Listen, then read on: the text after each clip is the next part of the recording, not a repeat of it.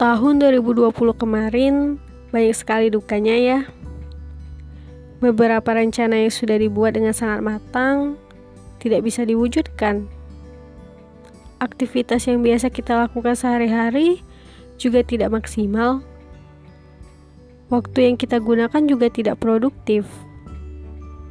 Hmm, tapi kalau dipikir-pikir, banyak sekali loh nikmat yang Allah berikan kepada kita di tahun lalu.